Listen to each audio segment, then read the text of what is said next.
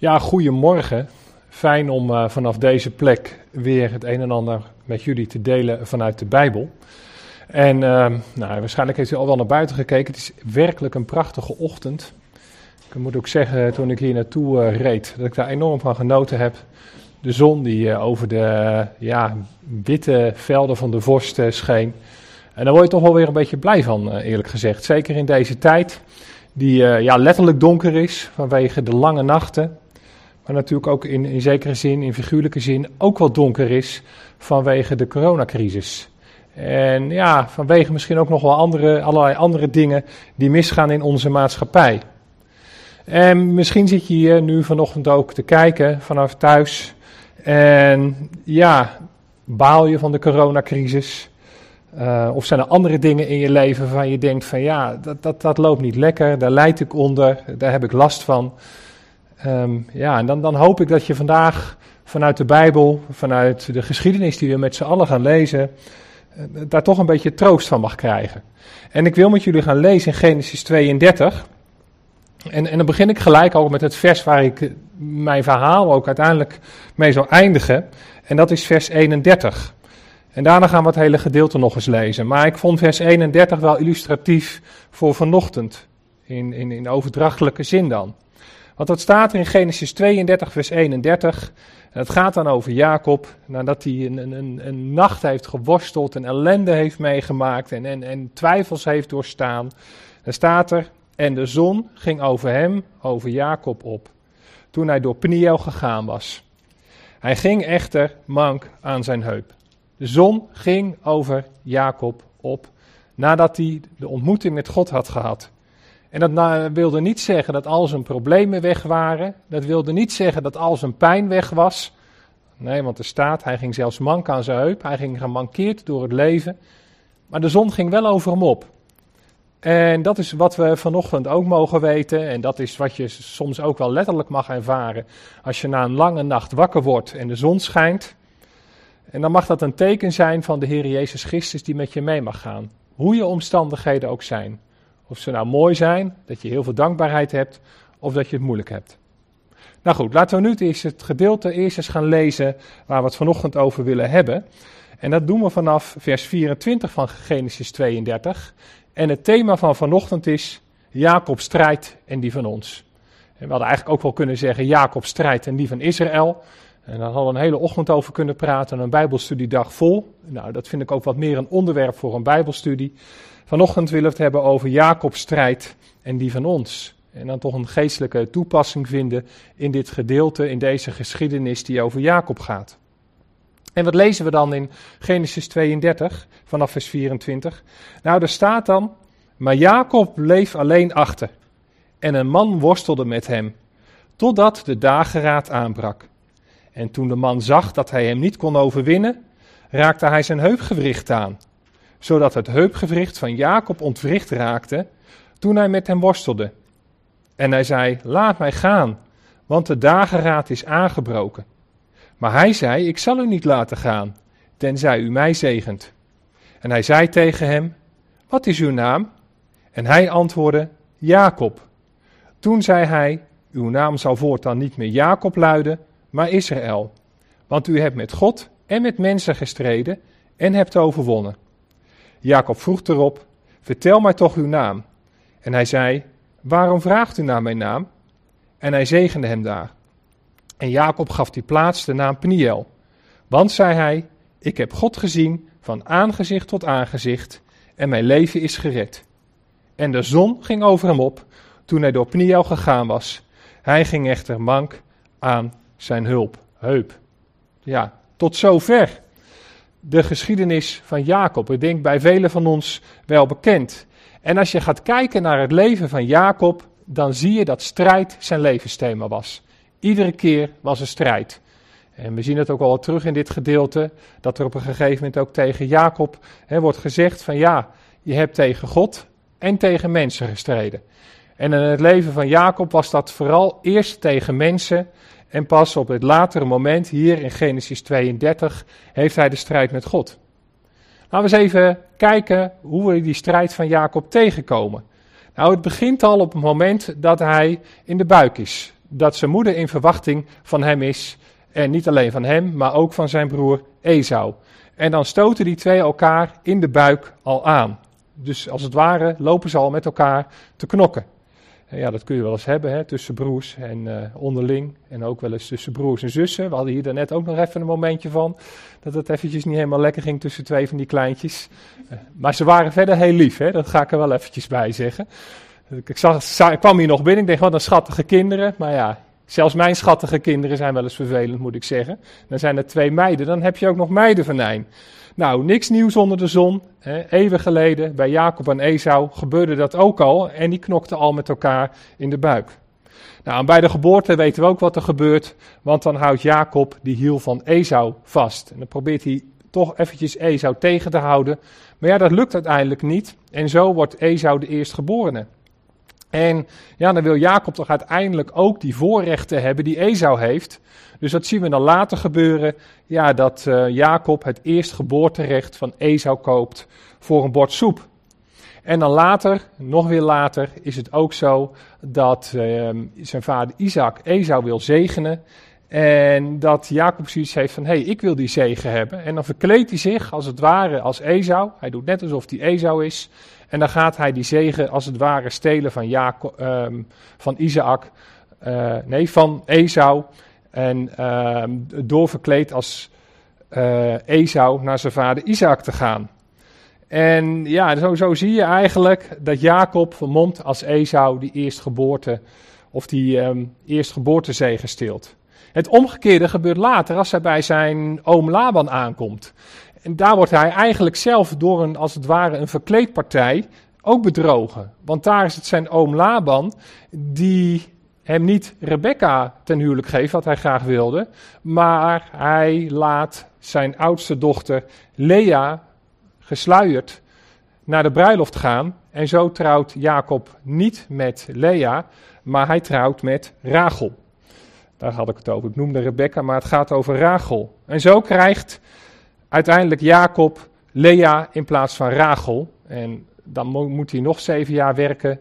hij krijgt direct na de bruiloft met Lea krijgt hij ook uh, Rachel als vrouw. Maar dan moet hij nog zeven jaar werken om dan uiteindelijk uh, ja, dat recht uh, alsnog te krijgen om haar als zijn vrouw te hebben. Zo zie je als het ware, dat vind ik wel een mooie overeenkomst, dat Jacob, waar hij eerst zelf met een verkleedpartij zijn vader bedriegt, hij dat later ook, uh, hem dat later ook gebeurt op het moment um, ja, dat hij met Rachel wil trouwen en dan krijgt hij Lea. Nou, en dan krijg je later nog weer gedoe tussen Lea en Rachel. Want ja, Lea, de minst geliefde vrouw van Jacob, die blijkt geen kinderen te kunnen krijgen. En Rachel krijgt, of Lea blijkt wel kinderen te kunnen krijgen en uh, Rachel niet. Terwijl Rachel de meer geliefde is. En ja, zo ontstaat, uh, ontstaat er een strijd tussen Lea en Rachel. En daar heeft Jacob dan ook weer mee te maken. Iedere keer is daar menselijke strijd. En als Jacob dan op een gegeven moment, ja, um, nog weer langer bij zijn oom blijft, dan is daar ook weer een strijd tussen hem en zijn oom vanwege de schapen die gefokt worden. Je zou kunnen zeggen, ze hebben een schapenfokwedstrijd. En dan blijkt Jacob met list, met slimheid, toch weer slimmer te zijn dan Laban. En dan ontstaat er weer strijd tussen die twee. En uiteindelijk vertrekt Jacob na een opdracht van God naar het land wat God hem beloofd heeft. Maar dan komt Laban hem toch weer achterna en dan is er toch weer strijd. Nou, zo is daar iedere keer strijd. Hier en daar even wat verwarrend verhaal van mijn kant. Ik, nog niet, eh, ik had hem eigenlijk een bakje koffie extra moeten drinken. Maar ik denk dat het wel duidelijk is dat er sprake is van strijd tussen die twee. En dan komen we uiteindelijk aan bij die strijd, ja, zoals we die bij de Jabok zien, in Genesis 32. En daar gaat wel het een en ander aan vooraf. En het bijzondere is uiteindelijk dat, het, dat, dat wat je hier ziet bij Jacob, is dat hij een beetje kampt met een geloofscrisis. Een beetje kampt met geloofsvertrouwen. Dat hij er moeite mee heeft om op God te vertrouwen, terwijl God hem heel duidelijk iedere keer aanleiding geeft dat hij toch op hem mag vertrouwen. Laten we eerst eens even kijken naar Genesis 32, vers 7. En dan zitten we in die aanloop van die ontmoeting van Jacob met God. Die ontmoeting, die worsteling bij Pniel. Genesis 32, vers 7. En daar lezen we dan, en dan eigenlijk vers 6 moeten we er ook even bij nemen, want dan heeft Jacob boden uitgezonden om te zien van, hé, hey, uh, komt Esau mij tegemoet? En, um, en, en hoe is de situatie als hij mij tegemoet komt? Met wie komt hij mij tegemoet? Nou, en dan zeggen die boden in vers 6, de boden kwamen terug bij Jacob en zeiden, wij zijn bij uw broer, bij Esau aangekomen, en nu komt hij u tegemoet, met 400 man bij zich. Toen werd Jacob erg bevreesd en het benauwde hem. Hij verdeelde de mensen die bij hem waren, het kleinvee, de runderen en de kamelen, in twee kampen. Nou, wat we hier zien is dat Jacob erg bevreesd wordt. En heeft hij eigenlijk geen aanleiding toe. Want als je in de voorgeschiedenis gaat kijken, dan zie je genoeg aanknopingspunten ja, waarop Jacob geloofsvertrouwen zou kunnen hebben. Kijk allereerst maar eens mee naar Genesis 31, vers 3. En daar krijgt Jacob van de Heer de opdracht om terug te keren naar het land dat God hem beloofd heeft. En daar lezen we dan, toen zei de Heer tegen Jacob, en hij is op dat moment nog bij Laban, keer terug naar het land van uw vaderen en naar uw familiekring. Ik zal met u zijn. De Heer zegt dus tegen Jacob: Ik zal met je zijn en ik zal ervoor zorgen dat je aankomt in het land wat ik je beloofd heb. Dus in dat opzicht hoefde Jacob niet bevreesd te zijn voor Esau, omdat hij wist dat de Heer met hem zou zijn. God zegt dat zelf tegen hem. En desondanks is daar die twijfel bij Jacob. Dan gaan we naar vers 42 van eh, hetzelfde hoofdstuk. Genesis 31, vers 42. Daar getuigt Jacob er zelf van dat God met hem is. Blijkbaar kan er nog wel eens een verschil zitten tussen wat wij getuigen, wat we zeggen en wat we ervaren. En dan lezen we dan, als de God van mijn vader, en dat zegt Jacob, de God van Abraham en de gevreesde van Isaac, niet met mij geweest was, zou u mij nu met lege handen weggestuurd hebben. En dat zegt hij tegen Laban, als Laban hem probeert te achterhalen. Als hij dus op weg is naar dat beloofde land. God heeft mijn ellende en de inspanning van mijn handen gezien en heeft u gisternacht gestraft. Hier getuigt Jacob er zelf van, God is met mij. Nou, dan gaan we nog naar Genesis 32, vers 1 en 2. En dan is Jacob nog weer een eindje verder op weg. En dan lezen we dan, ook Jacob ging zijn zweegs. Hij uh, scheidde van uh, Laban daar, ze hadden het een soort goed gemaakt. En er staat er, en engelen van God ontmoeten hem. Dus Jacob heeft niet eerst alleen een ontmoeting met de heren, hij heeft ook een ontmoeting met engelen. En, en hij getuigt daarvoor ook nog eens een keer van, ja, de, de Heer is met mij. En dan zegt Jacob ook nog in vers 2, toen hij hen zag, namelijk die engelen, zei Jacob, dit is een leger van God. Daarom gaf hij die plaats de naam Mahanaim. Aan alle kanten heeft Jacob de bevestiging dat God met hem meegaat. En toch is daar twijfel. En toch is daar angst. En toch is daar benauwdheid. En ja, wellicht heb je, ervaar je dat zelf ook wel eens in je leven. Dat je weet dat God bij je is. Dat je gelooft in de Heer Jezus Christus. En dat je weet dat wat, dat wat er ook gebeurt in je leven, God uiteindelijk alles, is het niet hier, maar dan is het wel in het leven hierna tot een goed einde zal brengen. En dat je toch twijfelt aan Hem. Nou, we zien het hier bij Jacob, zien we het ook terug. We zien bij Jacob strijd terug. Strijd met mensen, wat ik aan het begin van mijn verhaal vertelde. Maar hier ook een strijd in zijn geloof. Een strijd om, om daadwerkelijk te gaan staan in dat geloof. En ja, telkens zien we toch ook wel weer bij Jacob dat hij in dat opzicht als het ware met zijn kop tegen de muur aanloopt. Dat hij iedere keer dan toch maar weer op zijn eigen inzichten vertrouwt. Nou, dat zien we ook in het vervolg van Genesis 32. Want waar we dan lezen in Genesis 32 vanaf vers 1 en 2 dat die engelen aan hem geopenbaard zijn, daar lezen we in vers 7 alweer en toen werd Jacob erg bevreesd. En wat doet hij dan? Nou, dan doet hij het beste wat een mens kan doen. Dan gaat hij bidden. En dat is een mooi gebed wat we lezen in Genesis 32, vers 9 tot 12. Een veelzeggend gebed. Laten we er eens naar kijken. Verder zei Jacob, en dan heeft hij eerst de kampen verdeeld. Hij heeft eerst zijn eigen oplossing gezocht. Wat hij doet is, uh, alle mensen die hij bij die heeft, die verdeelt hij in twee kampen. Als het ene kamp omkomt, dan is het andere kamp er nog. En dan blijft hij nog nakomelingen houden. En dan gaat hij tot God in gebed. En dan zegt hij, God van mijn vader Abraham en God van mijn vader Isaac, Heere die tegen mij gezegd hebt, keer terug naar uw land en uw familiekring en ik zal u wel doen. Ja, die woorden hadden we net gelezen.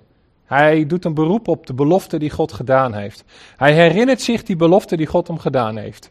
Nou, dat is eigenlijk ook het beste wat je kan doen. Als je twijfelt in je geloof, als je het moeilijk hebt, val dan terug op de belofte die God ons gedaan heeft in zijn woord. Val dan terug op het volbrachte werk van de Heer Jezus Christus voor ons aan het kruis van Gogota. En dan zegt hij, ik ben te onbeduidend voor al de blijken van uw goede tierenheid en al de trouw die u uw dienaar bewezen hebt. Immers, slechts met mijn staf ben ik de Jordaan hier overgestoken en nu ben ik tot twee kampen uitgegroeid. En dat vind ik dan wel weer bijzonder. In ons bidden kunnen we soms best wel eens menselijke dingen naar voren laten komen. dat je soms best wel in je gebed ook menselijk denkt. Of dat je dingen aan God toeschrijft die helemaal niet van God afkomstig zijn. En dat is belangrijk om alert op te zijn. En dat is wat Jacob hier doet. Hij zegt, ja, en nu ben ik tot twee kampen uitgegroeid. Nou, wie had die twee kampen gemaakt? Ja, die had Jacob zelf gemaakt. En dan gaat hij dat eigenlijk als het ware bij God neerleggen.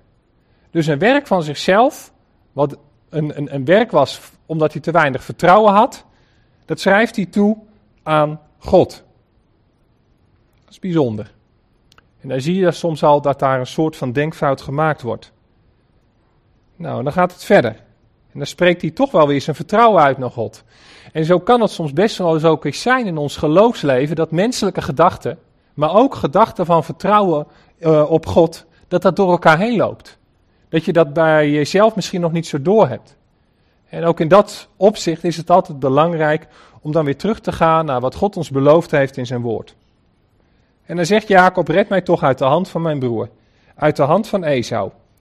Want ik ben bevreesd voor hem, anders zal hij komen en mij en de moeders samen met hun kinderen neerslaan. U hebt immers gezegd: Ik zal u zeker wel doen, en ik zal uw nageslag maken als het zand van de zee, dat vanwege de menigte niet geteld kan worden. Nou, dan heeft hij tot God gebeden. En is dan het probleem opgelost? Is dan zijn geloofsvertrouwen terug? Nee, nog steeds niet. Wat hij dan vervolgens doet, hij is nog steeds bang. Hij is nog steeds bang voor Esau. En dan gaat hij allemaal cadeautjes sturen. Hij gaat als het ware Esau een beetje paaien. Hij gaat hem proberen om te kopen, zodat Esau hem niet zal verslaan. Terwijl hij net ervan heeft getuigd in zijn gebed: Ja, Heer, u gaat met mij mee. Zo zie je dat soms een gebed ook nog niet gelijk ons geloofsvertrouwen terugbrengt. Weet je, groeien in het geloof, dat is soms een enorme worsteling. Dat gaat gepaard met vallen en opstaan. Dat je het ene moment denkt, ik ben er wel, nu weet ik het, ik sta rotsvast in de Heer. En dan val je weer om. En dan is het weer je twijfel en, en je eigen tekortkomen waar je mee geconfronteerd wordt. En dat zien we hier zo ook bij Jacob. Jacob die stuurt cadeautjes naar Esau en probeert hem als het ware om te kopen. Is dat de oplossing? Is hij er daarmee gerust? Nee, niet. Hij stuurt uiteindelijk al zijn mensen de Jabok over, wat een zijrivier was van de Jordaan, en dan blijft hij alleen achter. Hij is eenzaam en alleen in zijn strijd, in zijn innerlijke strijd. En dan komt God bij hem. En mijn overtuiging is het dat dit in eh, Genesis 32 vanaf vers 24 God is die met Jacob strijdt. Het voert te ver om daar al te veel op detail op in te gaan. Ik vind dat meer iets voor een Bijbelstudieavond. Maar ik wil er kort iets over zeggen. Er staat in vers 30 dat Jacob zegt: Ik heb God gezien. En God staat in het Hebreeuws Elohim. En als Elohim in het Genesis wordt gebruikt, dan gaat het altijd over God. Dan gaat het nooit over engelen. In andere Bijbelboeken gaat het wel eens over engelen, maar hier gaat het over God. Nou goed, even een korte duiding hiervan. Ik ga er dus vanochtend vanuit dat Jacob met God streed. En wat lezen we dan in vers 24? Maar Jacob bleef alleen achter. Geen mens om hem heen om hem te steunen. Hij had uiteindelijk helemaal niks meer. Hij stond er helemaal alleen voor. En dan komt er een man naar hem toe. En weer lijkt het ergens alsof hij met een mens moet strijden. Maar dat blijkt achteraf niet het geval te zijn. Het is wel bijzonder als je in het Hebreeuws kijkt naar dit gedeelte, um, dat er een relatie overigens zit tussen de naam Jacob, tussen de naam Jabok, nou dat horen we in het Nederlands al terug, en, in, in het woord worstelen. Abak. De Hebreeuwse woorden voor Jacob, Jabok en worstelen, die hebben een relatie met elkaar. En als je daar zo over nadenkt, dan zou je eigenlijk kunnen zeggen dat het de juiste persoon, Jacob is, op de juiste plaats, de Jabok, met de juiste ervaring op dat moment, hè, namelijk het worstelen. Dit was het moment dat God zich openbaarde aan Jacob. En ik denk dat dat soms ook in ons leven wel eens zo is, dat je soms heel erg aan kan monderen. En misschien wel juist als je enorm aan de grond zit, juist als je helemaal alleen bent, juist als al je wapens je uit handen genomen zijn, dat dan daar God ineens is. En misschien niet op een manier die je verwacht. Misschien verwacht je wel een liefdevolle hand, een troostende hand. Maar is het een hand die de strijd met jou aangaat? Wat we hier dan zien gebeuren. Dat God de strijd met Jacob aangaat. Jacob gaat worstelen met God. En dat is natuurlijk altijd wel even de vraag: hoe kan het nou zijn dat God worstelt met mensen? Ja, hoe kan het zijn, bijvoorbeeld in het boek Job, dat Job God ja, als het ware voor een, een, een rechtszaak uitdaagt en dat God daar toch in meegaat? En overigens wordt Job dan wel op zijn plek gezet. Hoe kan het zo zijn dat in sommige gedeeltes mensen, ik denk ook aan Abraham veel eerder, de onderhandeling met God aangaan? En dat gebeurde rondom Sodom. Hoe kan het zijn dat mensen in de psalmen, gelovigen in de psalmen, Ehm, God als het ware ter verantwoording roepen. We zien het allemaal terug in de Bijbel en God laat het toe. En zo worstelt God hier ook met Jacob. En als God in geestelijke zin met ons kan worstelen, of dat wij in geestelijke zin met God worstelen, zou hij dat dan niet in letterlijke zin kunnen doen? Net zoals hij in letterlijke zin ook eerder Abraham bezocht. Jacob worstelt met God. En hoe kon hij winnen? Ja, ik las ergens een mooie uitleg daarover. En of die nou juist is niet, je kunt het beter inderdaad, het is echt een uitleg. Of nee, eigenlijk een, een toepassing, niet zozeer een uitleg. Meer een interpretatie dan dat het daadwerkelijk zo is. En er werd gezegd van ja, Jacob die strijdt tegen de linkerhand van God. En hij werd door de rechterhand van God geholpen. Nou, daar zit natuurlijk op zich, als dat zo zou zijn, zit er natuurlijk een mooie gedachte achter. Want in zekere zin hebben wij daar ook mee te maken. Wij staan als gelovige of als mens, zondige mens, tegenover God. Maar als je gelooft, dan mag je weten dat God niet tegen je is, maar dat zijn rechterhand, namelijk de Heer Jezus Christus, je ondersteunt. Dat Hij voor je pleit bij God. Dat is een diepere gedachte die je daarin terug zou kunnen zien. Jacob streed dus met God. Hoe dat kon, dat wordt ons hier niet uitgelegd. En hoe die kon overwinnen, dat wordt hier ons ook niet uitgelegd. En uiteindelijk gaat het er hier niet om. Uiteindelijk het belangrijkste waar het hier om gaat, is dat Jacob een andere identiteit krijgt. Is dat Jacob op zijn plek wordt gezet, op de plek wordt gezet waar God hem bestemd heeft. En daar lezen we in vers 28 over. Dat de man, dat God tegen hem zegt, uw naam zal voortaan niet meer Jacob luiden, niet meer Hielelichter luiden, niet meer degene die het allemaal zelf opknapte. Niet meer degene die alles uit eigen kracht deed. Maar Israël. Wat zoveel betekent als, ja, dat God voor hem strijdt. God strijdt. Joh, Jacob, je moet het niet meer zelf op, op, op proberen te lossen. Maar je moet God voor je laten strijden. Je moet hem de strijd laten voeren. Dat is wat hem hier geleerd wordt. En er staat er nog bij, want u hebt met God en met mensen gestreden en hebt overwonnen. En hij heeft dat, over, dat, dat, dat overwinnen, dat heeft hij gedaan door met God te strijden. Even verder kijkend in, het, in, in de geschiedenis van Jacob. Is het daarmee allemaal opgelost voor Jacob? Nou, als je de verdere hoofdstukken kijkt, dan zie je dat er nog een hoop gedoe is. Als hij Esau ontmoet, dan gaat hij toch weer kruiperig doen en is hij toch weer bang. En als hij bij Sichem is, dan wordt zijn dochter verkracht en dan gaan zijn zoons ja, die Sichemieten op een laffe manier ombrengen. En, en dan op een gegeven moment zien we dat Rachel sterft. En we zien op een gegeven moment dat, dat er gedoe is met, het, met Jozef, die door zijn broers in een put gegooid wordt en uiteindelijk in Egypte terechtkomt. Maar helemaal aan het einde van het leven van Jacob zien we wel terug dat hij zijn zoons een rijke zegen meegeeft en in de rust en de vrede van de Heer kan sterven. Dat we God kennen, Dat we erbij bepaald worden dat ja, God een, onze identiteit wil zijn, dat we mogen leven als beelddragers van God, wil niet zeggen dat het leven gelijk makkelijk is. Wil niet zeggen dat we gelijk geen strijd meer hebben. En wil ook niet zeggen dat we nooit meer fouten maken. Maar wat het wel wil zeggen is dat we wel altijd daarop terug mogen vallen. Dat we op die basis terug mogen vallen en daarin mogen staan. Ja, Jacob moet leren dat God voor hem strijdt.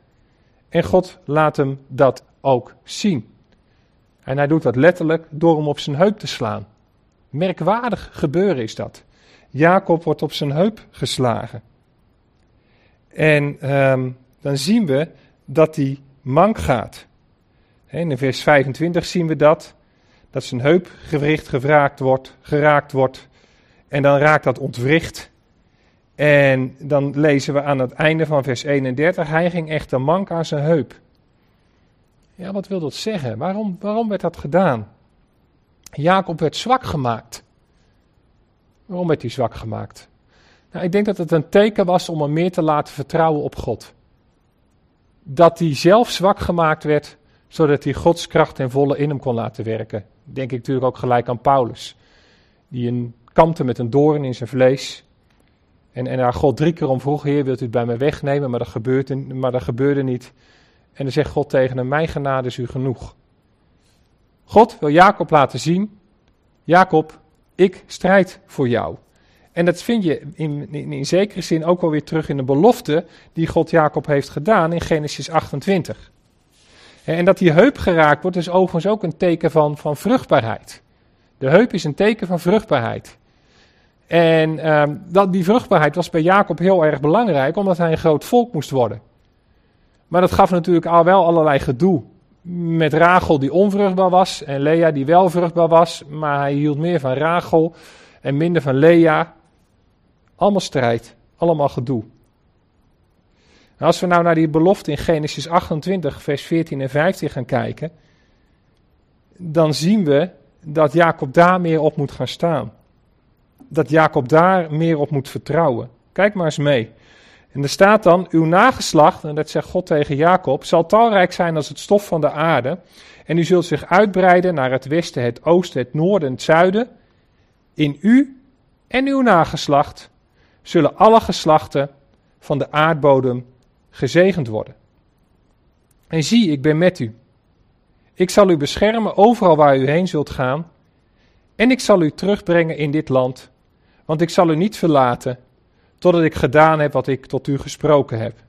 Ja, en dit gebeurt dan weer bij zo'n andere plek, Bethel. U weet wel van die trap die uit de hemel, uh, uit de hemel komt en waar engelen op en neer lopen. En het mooie van dit gedeelte is dat je daar echt wel de twee elementen in terugziet waarin gedoe is.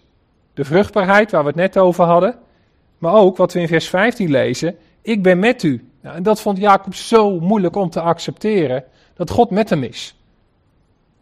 En eh, kun je ook bij jezelf de vraag stellen van, joh, ja, ben ik me wel bewust dat God altijd met mij is? En wat voor invloed heeft dat op mijn leven? Wat voor invloed heeft dat op mijn beslissingen? Wat voor invloed heeft dat op mijn denken? Blijf ik maar twijfelen? Blijf ik maar voortobben? Blijf ik de dingen maar op mijn eigen manier oplossen? Blijf ik maar op mezelf vertrouwen? Blijf ik me druk maken? Ik kan u wel wat vertellen. Ik liep een beetje aan het begin van deze spreekbeurt te haperen. Dat heb ik wel eens. Ik ben een diesel, ik moet op gang komen. Dat heb ik op de racefiets ook. dat is wel een ding wat mijn eigen is. En ik praat soms ook nog wel eens te snel. Ik kon me daar in het begin heel erg druk over maken toen ik begon met spreken. En dat is alweer twintig jaar terug. En ja, weet u, ik weet van mezelf, ik ben geen geboren spreker. Ik moet het ook vooral van mijn voorbereiding hebben. Um, en dat is misschien juist ook wel goed, want anders ga je misschien wel een beetje uit je nek lopen praten. Um, en en nou, wat ik ook wel weet, dat wil ik wel gelijk wel meegeven, want ik weet dat ze bij jullie in de gemeente ook bezig zijn, hè, dat, dat uh, ook jongere mensen gaan spreken. Een van de dingen wat belangrijk is, is dat je op een gegeven moment gewoon maar van jezelf accepteert dat je wel eens een keer dingen verkeerd zegt, of dat je een keer loopt te haperen, um, of dat je eens een keer een, een spreekbeurt hebt wat helemaal niet gaat. En dat gaat niet alleen voor spreekbeurten, maar dat gaat soms ook wel eens in je werk. Dat je wel eens een off-day hebt, dat dingen niet lukken. Ik heb het in de hulpverlening ook wel eens gehad. Hulpverleningstrajecten gehad waarvan je denkt, alles mislukt en dan ga je ook twijfelen aan jezelf. Ja, dat gebeurt. In je werk voor de Heer, maar ook in je dagelijkse werk, wat ook werk is voor de Heer, mag je dan weten dat God met je gaat. En dat ondanks al je struikelen, ondanks al je vallen, hij je uiteindelijk toch weer overeind wil hebben. Ook al ben je gelovig, je maakt fouten. En ik loop nog dagelijks met mijn hoofd tegen de muur. Nog dagelijks blijf ik te veel vertrouwen op mezelf. Maar wat is dan heerlijk om te mogen weten dat je dan iedere keer terug mag komen bij God door de Heer Jezus Christus. Dat is wat we mogen weten. Zijn genade is ons genoeg. Ik ben met u. Jacob moet dat leren en wij moeten dat ook leren. God zal de belofte die hij ons gedaan heeft uiteindelijk vervullen. We gaan weer even terug naar Genesis 32. Ja, Jacob heeft geworsteld, heeft een nieuwe identiteit gekregen.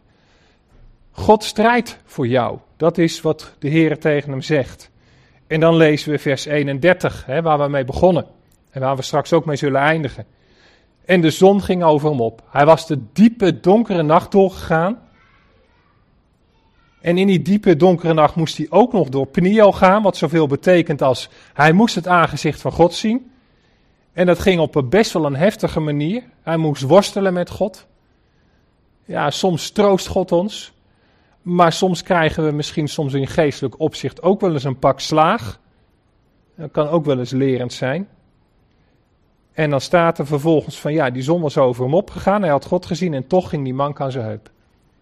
En zei ik aan het begin van mijn verhaal al van. Hè, van ja, weet je, je kunt de ontmoeting met God hebben. En hopelijk ervaar je na deze ochtend ook weer iets meer van zijn nabijheid. Door uh, het zingen, het, het, het, het, voorgedeelte van de spreekbeurt en de spreekbeurt zelf. En, en misschien ook wel door het Bijbellezen wat je door de week heen doet. En je gebed wat je doet. En gesprekken die je met anderen hebt. Maar dat wil nog niet zeggen dat gelijk al je zorgen en al je pijn en al je moeite weggenomen zijn.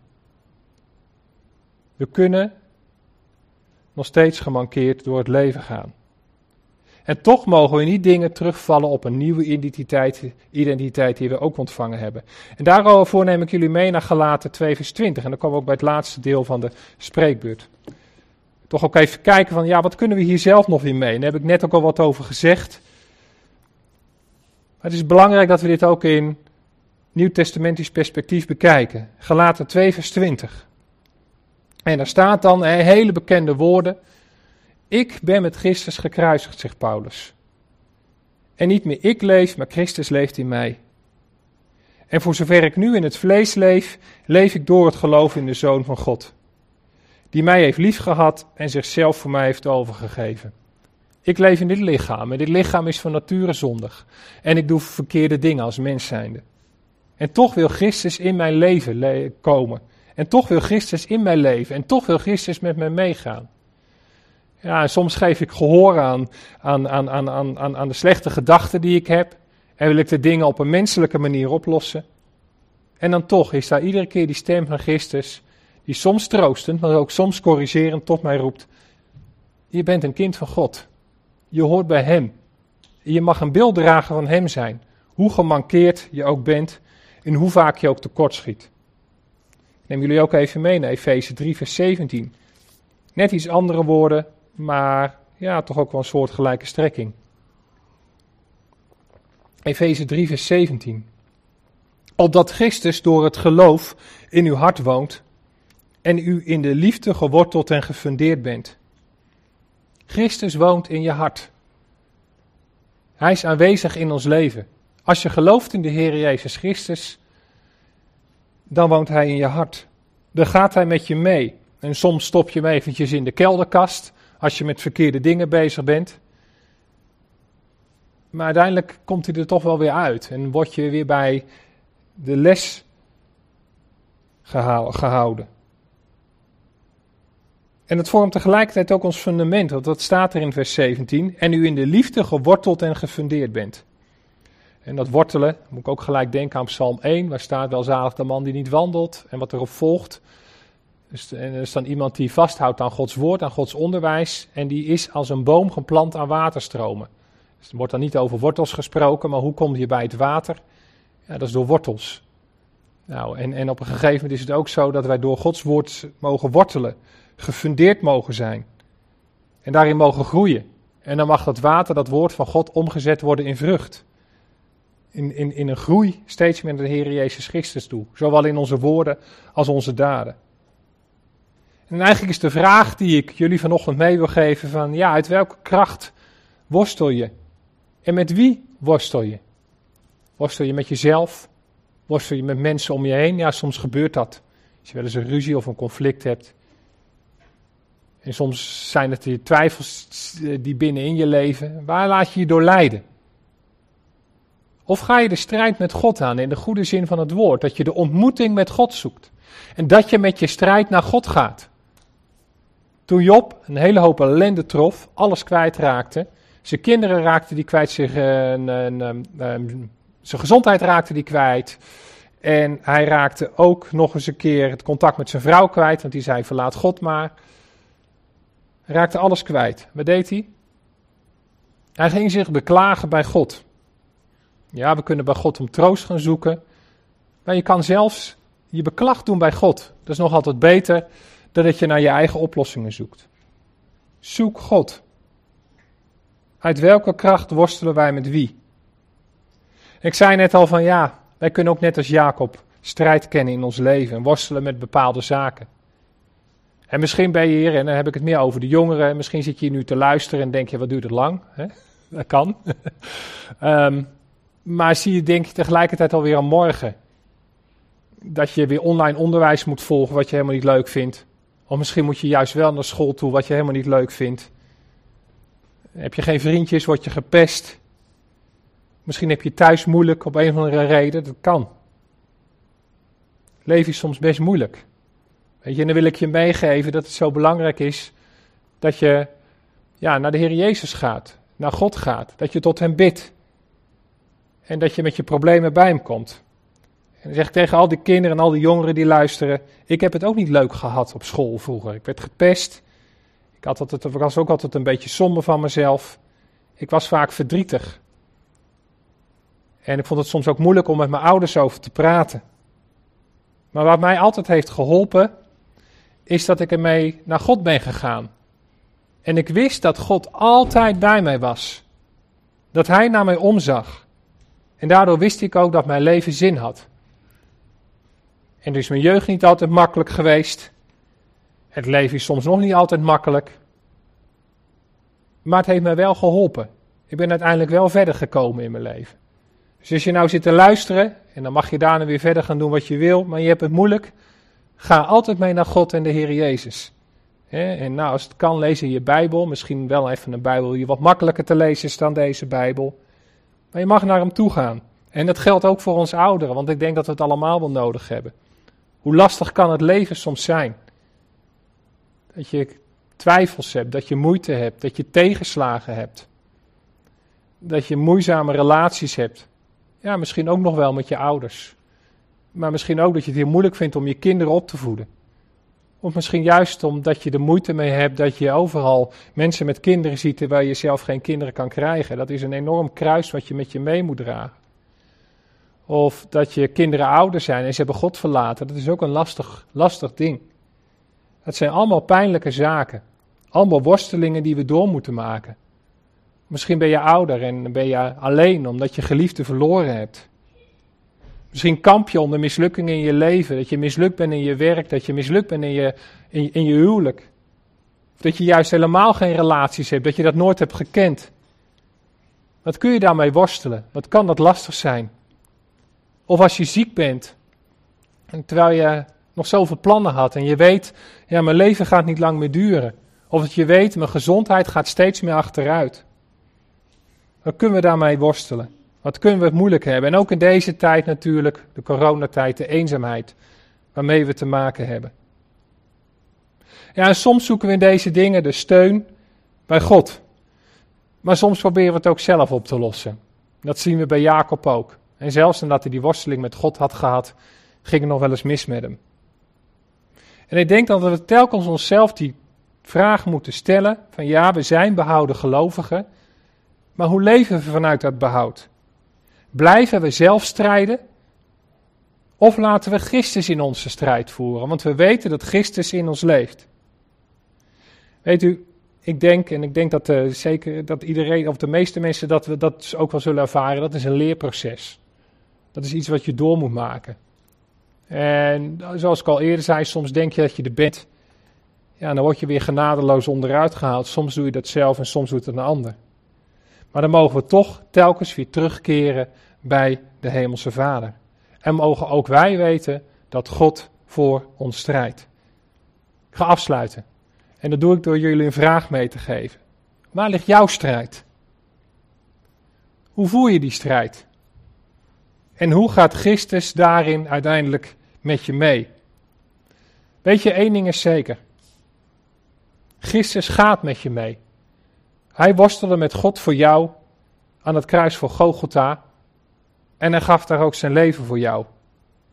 Weet je, en daarom mag je nu weten dat je een nieuwe schepping bent. En als je lijdt onder je wonden, dan mag je ook weten dat de Heer Jezus ook wonden had. Toen hij opstond, liet hij zijn Thomas zien. Hij had al een verheerlijk lichaam, maar daar waren wonden in. En we lezen in openbaring dat het gaat over Christus. En dat er dan over hem staat dat hij het lam is dat, dat staat als geslacht. Het viel hem nog te zien dat hij geslacht was. Dat hij verwond was. Als we soms te kampen hebben met onze eigen wonden, dan mogen we kijken naar de wonden van Christus. En mogen we ook weten dat Christus weet wat we doormaken en weet wat we voelen. We sluiten af met een tekst uit Genesis 32. En dan even wat aangepast. Ja, inderdaad, die 31ste vers. Dat 31ste vers. En er staat dan over Jacob en de zon ging over hem op. Toen hij door Pnio gegaan was. Hij ging echter mank aan zijn heup. Als we daar nou een toepassing op onszelf van maken, dan zouden we kunnen zeggen: de zon gaat over ons op. Als we de ontmoeting met God hebben gehad. Ondanks, ondanks dat we gemankeerd door het leven gaan, mogen we weten dat God met ons meegaat en dat God met ons wil strijden. Tot zover. We willen samen danken. Hemelse Vader, dank u wel dat we zo vanochtend op deze bijzondere manier bij elkaar mochten komen. Dat daar de mogelijkheid toe is. Heer, en dat we met een aantal mensen hier ter plekke, maar met heel veel mensen thuis, toch samen gemeente mochten zijn. Toch een eenheid mochten vormen. Ja, Heer, dat, uh, dat is fijn om dat te mogen ervaren. Ondanks de afstand werkt uw geest dwars door die afstand heen. En mogen we met elkaar verbonden zijn. En dat mag allemaal zijn op grond van het volbrachte werk van uw Zoon Jezus Christus. Dank u wel dat u uw Zoon naar deze aarde gezonden heeft. Dank u wel dat hij gestorven is, is opgestaan en uiteindelijk ook naar de hemel gevaren is. En dank u wel dat Christus ook in onze harten wil wonen. Dat we daardoor een nieuwe identiteit mogen hebben. Heer, en we hebben gelezen over de worsteling die Jacob doormaakte. Zoveel honderden jaren geleden. Duizenden jaren zelfs. En ach, ja, wat dat betreft vinden we ook daarin toch nog gewoon overeenkomst met ons in deze tijd. Wat voor worstelingen, wat voor strijd maken wij wel niet door? Heer, u kent onze twijfels, u kent onze zorgen, u kent ons verdriet, u kent onze eenzaamheid. U weet van de verliezen die we hebben geleden. U weet hoe zwaar het leven soms voor ons is. U weet wat anderen niet weten. U weet ook wat we niet aan anderen durven te uiten. Heer, wat bent u dan toch een goed God dat u, ja, op gepaste wijze in die dingen met ons mee wil gaan. En soms gaat u met ons de worsteling aan. Soms hebben wij de strijd met u. Maar soms bent u ook, en dat is misschien nog wel veel vaker, een troostende en liefdevolle God. Die ons kracht wil geven op de moeilijkste moment in ons leven. Als het helemaal donker om ons heen is, dan bent u ons licht waaraan we ons vast mogen klampen door uw Zoon, de Heer Jezus Christus. Want het Heer, het is door uw Zoon dat we tot u mogen gaan. Maar tegelijkertijd mogen we ook op uw zoon zien als iemand die met ons meeleidt, omdat hij op dezelfde wijze geleden heeft. Ja, dat zelfs hij in de hof van Gethsemane, ondanks de kracht die hij van een engel kreeg, nog steeds strijd en moeite en pijn had. En uitriep aan het kruis van Gogota, mijn God, mijn God, waarom heeft u mij verlaten? Dank u wel dat we niet die ervaring hoeven te hebben. In ieder geval dat het feit zo is dat u ons nooit verlaat, dat u altijd bij ons bent. Misschien voelen we het wel eens zo, maar u gaat altijd met ons mee. Heer, en als we zo weer de week ingaan, dan um, willen u vragen of u te meer in ons leven in, in wil werken. En dat we er steeds meer in mogen gaan groeien dat u voor ons strijdt. Dat we steeds meer loslaten om onze eigen strijd te voeren. Maar dat we steeds meer gaan leven uit de nieuwe identiteit die u ons gegeven heeft door uw Zoon, de Heer Jezus Christus. Dank u wel, Heer, dat we zo vanochtend zowel lering als troost mochten vinden. Tegelijkertijd willen we u ook danken voor de goede dingen in het leven. Als we nog gezond zijn, dat we genoeg te eten, te drinken hebben, dat we een dak boven ons hoofd hebben. Dat we nog in vrijheid ons geloof mogen beleiden. Ja, Heer, als we fijne mensen om ons heen mogen hebben. In wat voor manier, op wat voor, in wat voor verband dan ook. Dank u wel daarvoor. Dank u wel dat u, ondanks dat deze schepping gebroken is, ondanks dat ons land in een crisistijd verkeert, we nog steeds mogen genieten van heel veel goedheid. Dank u voor wie u bent. Dank u voor wat u ons geeft. Amen.